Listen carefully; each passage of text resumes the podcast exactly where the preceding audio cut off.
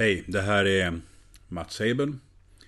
Storyteller och storylistener skulle jag vilja säga. Och jag är alltså författare och journalist med en socialantropologisk bakgrund. Det betyder att jag har som antropolog det självklara perspektivet att alla organisationer, alla mänskliga sammanhang bärs av sina berättelser. Och det gäller förstås även på jobbet och var vi än jobbar, privat, offentligt, ideellt. Eh, och utan berättelser så finns man helt enkelt inte. Det är min enkla sanning. Idag tänkte jag ägna mig lite grann åt skolor. Jag har eh, varit mycket i skolor och sökt och samlat berättelser och skördat berättelser. Och då menar inte jag berättelser om studieplaner och vilken kurslitteratur det är, för det är ju en mera saklig och faktuell information. Utan det handlar mera om eh, hur är vi mot varann, hur är skolan mot våra barn, vad, hur löser vi våra konflikter, var kommer vi ifrån, vart är vi på väg. Och eh, nu när vi har skolpeng och konkurrens på, skol, på skolfronten hela vägen faktiskt, ifrån förskola och ända upp i universitet och högskolor, så är berättelserna kanske ännu viktigare än de en gång har varit. Själv har jag ju då varit både på universitet och hela vägen ner, ända ner till förskolor, just i det här ärendet. Och som eh, pappa till sex barn så har jag ju haft mycket med skolor att göra också genom åren. Så att eh, jag är förstås intresserad, men skolan angår oss alla. Det är ju en självklarhet. En gång när jag hade ett seminarium så berättade jag om eh, olika berättelser ifrån förskolor som förskolor använder. Dels för att locka till sig personal, alltså rekrytera på rätt sätt. Men också för att tävla om föräldrarnas gunst när de ska placera sina barn i de miljöer där det finns konkurrens kring förskolan. Eh, och jag eh, kommer ihåg då att jag berättade olika exempel på bemötanden och sånt som skolorna och förskolan i det här fallet var stolta över och efteråt så kom det fram en mamma till mig och hon sa, du, jag skulle vilja berätta en sak som jag har varit med om som mamma och med min lille pojke Markus som går i förskolan. Det är en berättelse som berörde mig väldigt mycket och påverkade mig väldigt mycket, sa hon. Ja, vad trevligt, sa jag. Och hur var den berättelsen då? då? Här får vi alltså en slags kundberättelse, nöjd kund, fast det då handlar om skolans värld. Jo, så här var det, sa hon, att Markus brukar jag lämna klockan åtta varje morgon på förskolan och så brukar jag hämta honom vid 16, 16.30. Han har långa dagar och jag går alltid med honom dit och vi har precis samma vana varenda dag och jag hämtar honom på eftermiddagen. Sen var det så här att vi skulle nämligen gå på ett läkarbesök en förmiddag och därför så skulle jag komma sent med Markus. Klockan 10 skulle jag komma en dag, dagen efter, så att säga. Och då så vände jag mig till personalen och så sa jag att imorgon så kommer inte Markus förrän klockan 10 för vi ska gå på, ett, på en undersökning. Ja, det gick bra, så nu visste de det. Och sen så gick vi på vårat, jag och Markus, till doktorn och sedan så eh, åkte vi till förskolan och jag lämnade honom, berättade mamman. Och när vi kom in på förskolan så kom en av förskollärarna fram och sa Hej Markus, välkommen till skolan. Eh, vi har precis haft ett förmiddagsmällis här och Eh, då åt vi bland annat hallon och blåbär. Och jag vet ju att du älskar hallon och blåbär. Därför så eh, la jag undan lite grann till dig och la i en skål. Och den får du här, sa förskolläraren. Och så sträckte hon fram en skål med hallon och blåbär som är det absolut bästa som Markus vet. Då kände jag, berättar mamman, att de såg min pojke. Och jag kände en sån värme och en sån glädje och en sån trygghet över att de hade tänkt på honom och att de gav honom det bästa han visste. Och att de sträckte fram den här skålen till honom när jag lämnade honom klockan 10 på förmiddagen. Det gjorde att där fick jag det starkaste intrycket och den starkaste emotionella bindningen till förskolan överhuvudtaget som jag någonsin hade fått. Det här betydde mer än alla föräldramöten, all information på webbplatsen, allting som överhuvudtaget beskrivs om skolan, de ser min pojke och min pojke blir glad. Jag känner mig trygg. Det där är storytelling. Det är berättelse om en händelse som visar ett bemötande och som kommunicerar kvalitet till en förälder, för det är ju ändå föräldern som bestämmer. Men om man går in på en förskolas hemsida och tittar hur de presenterar sig, så inte finns den berättelsen där. Där finns det lite mer allmänt svepande korrekta information att vi tolererar inte mobbning, här är alla lika och vi, och eh, vi, vi satsar på den och den maten, vi försöker vara ute si och så mycket och så är det en bild på personalen och kanske några genrebilder på barn rent allmänt. Varför berättar de inte? Och i synnerhet nu när det är konkurrens om eleverna, det vill säga att varje elev representerar ett värde i kronor och ören. Det är anledningen då att förskolor mer och mer berättar. Jag minns en annan förskola där det var personalen som berättade. Det var på Södermalm i Stockholm. Så fanns det en förskola som låg i ett hus där det fanns både äldreboende och mottagning för flyktingbarn. Och förskola. Det var alltså ett kommunalägt hus. Och personalen tyckte då att förskolan som låg längst ner i huset på nedre botten med, med en liten trädgård utanför bakom ett staket de tyckte ju att det var väldigt trevligt att det fanns ett äldreboende där uppe också. Tänk om barnen kunde få ha kontakt med de här gamla människorna. De kunde kanske nästan fungera som en slags extra mormor eller extra farmor. barn och gamla skulle kunna mötas och kanske till och med vara tillsammans i trädgården där ute. Så det var en ambition som personalen, förskollärarna, hade på dagis. Eller på förskolan som vi ska säga. De försökte på olika sätt att lussa och de försökte med, med att eh, eh sjunga eh, alltså den här Lucia-sången och att vara till påsk så försökte de vara påskkärringar och så vidare. Men det visade sig att de här gamla människorna som var på äldreboenden, de var så pass eh, långt gångna, om jag får uttrycka mig så, senildementa på olika sätt. De märkte knappt att barnen var där, inne i rummet och sjöng för dem. De tittade kanske med tomma blickar fram och barnen tyckte nästan det var lite läskigt. Varför är tanten så tyst? Varför tittar tanten inte på mig? Varför sover farbrorn? Varför sitter han eller hon där i rullstolen utan att reagera när vi kommer? undrade barnen. Så att på något sätt så kändes det som att nej, det här var nog inte så lyckat.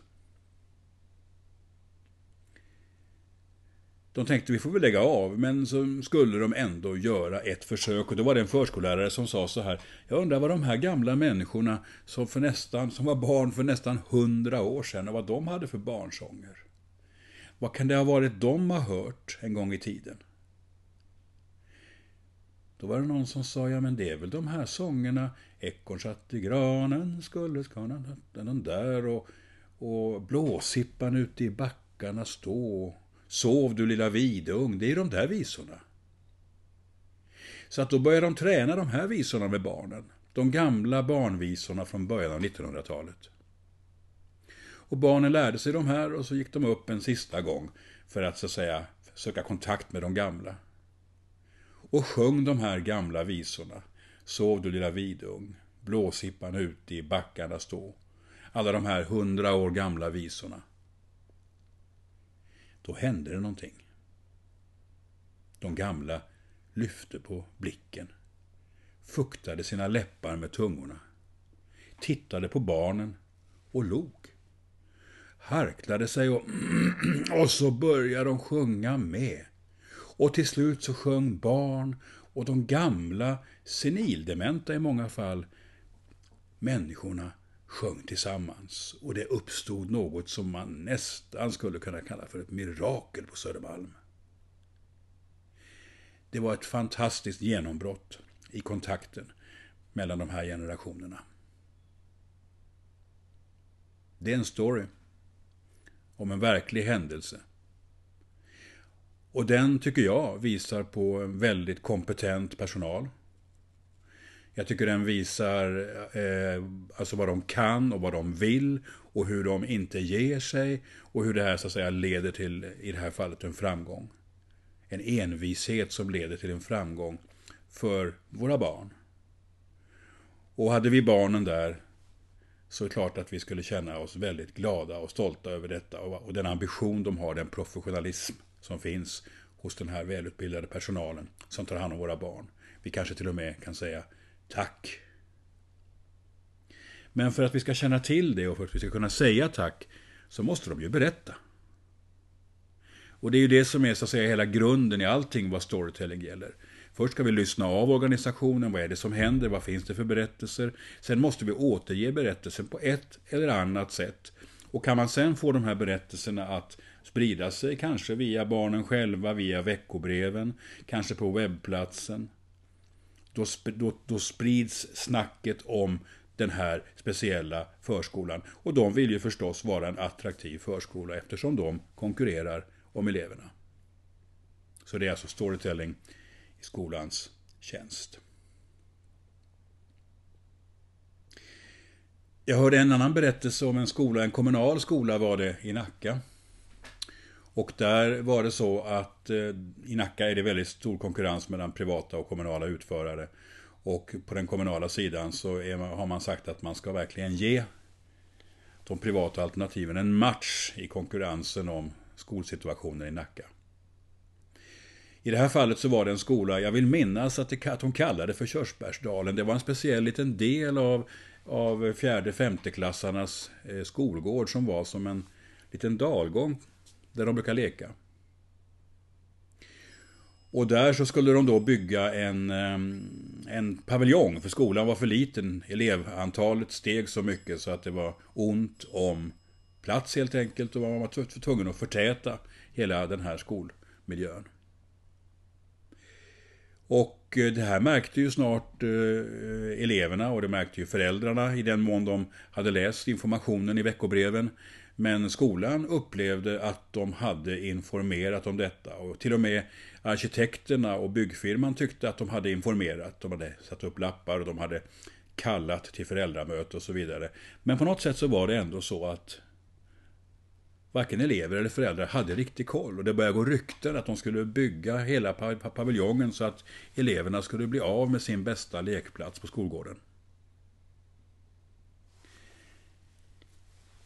Då var det en liten flicka, hon hette Emily. Och hon tyckte att nej, så här kan det inte gå till. Så att hon eh, bestämde sig för att hon skulle ta ett snack med rektorn. Jag tror att hon var ungefär 9-10 år. En dag så mötte hon rektorn i korridoren på skolan och så gick hon fram till rektorn och sa Jo, rektorn, jag skulle vilja ha ett möte och bestämma ett möte med dig, rektorn. För att vi är lite bekymrade, jag och mina klasskamrater, över den här skolbyggnaden. Vi tror nämligen att den kommer att ta bort våran skolgård, att inte vi har någonstans att leka sen. Och rektorn hon tyckte det var ganska charmigt med den här flickan och hon sa ja visst vi kan ta ett möte nu om du vill. Vill du komma in i mitt rum så kan vi prata om saken. Nej, jag tycker det är bättre att vi bokar en tid, sa Emily. Jaha, sa rektorn och ska vi säga torsdag klockan ett? Ja, det blir bra, sa Emily. Torsdag klockan ett, då kommer jag. Och så får du tala om för din fröken då, sa, sa rektorn, att du ska gå hit och, och diskutera med mig. Ja, det ska jag göra, sa Emily. Hon var lite lillgammal. Så kom hon dit klockan ett på torsdag och hon knackade på hos rektorn och gick in och så började hon förklara oron som hon och hennes klasskamrater kände över att paviljongen skulle ta all plats. Då tog rektorn fram ritningarna som hon hade ifrån arkitektbyrån och från byggfirman och rullade ut dem på skrivbordet. Och så eh, förklarade hon hur det såg ut. Här ser du, här är dalgången, här ska huset ligga och så ska det vara. Och som du ser då så finns det fortfarande plats kvar och vi kommer inte att ta bort det. Det kommer att ta lite plats men det kommer fortfarande att ha kvar de bästa delarna av skolgården. Att leka på rasterna. Ja, Emelie blev ganska övertygad. Sen frågade rektorn om, du, om hon ville ha kopior på ritningarna. Och det sa hon att det vill hon gärna ha, så hon fick kopior på ritningarna. Och eh, så sa hon att nu ska jag gå och informera mina klasskamrater. Hon lämnade rektorn och gick ut i korridoren. Och så kom hon på att hon skulle tacka, det hade hon glömt. Så då gick hon tillbaks, stack in huvudet i rektorns rum och sa Jo, rektorn, jag vill bara tacka för ett bra möte. Och så gick hon tillbaks, förklarade för sina klasskamrater och förklarade för sin fröken. Och sen spreds kunskapen om det här nya bygget. Den här flickan blev alltså en kommunikatör där skolan egentligen hade brustit, trots att de tyckte att de hade gjort sin informationsplikt. Men hon tog ett initiativ, den här flickan, och på så vis så spreds kunskapen om vad som skulle hända och oron minskade och alla blev egentligen mer engagerade och följde det här bygget. Här kunde ju alla parter lära sig någonting viktigt. Det är en bemötande berättelse. Den är hämtad från verkligheten. Nu har jag manipulerat lite namn och så. Men i stort sett så, alltså själva, anden, eh, själva kärnan i den här berättelsen är sann. Och det är ju det det handlar om. Sanna berättelser hämtade från verkligheten. Och i det här fallet kärnan är sann. Sen kan man hitta på lite namn och så vidare. Men det är det här bemötandet, hur rektorn såg henne, rektorn tog emot henne, hur den här flickan hade en sån drivkraft så att hon kunde ta det här ansvaret och hur detta så att säga förstärkte hela den psykosociala miljön på skolan i Nacka. Ja, det var allt för den här gången. Berättelser i och om skolan som ett värde på 2010-talet. Hej då!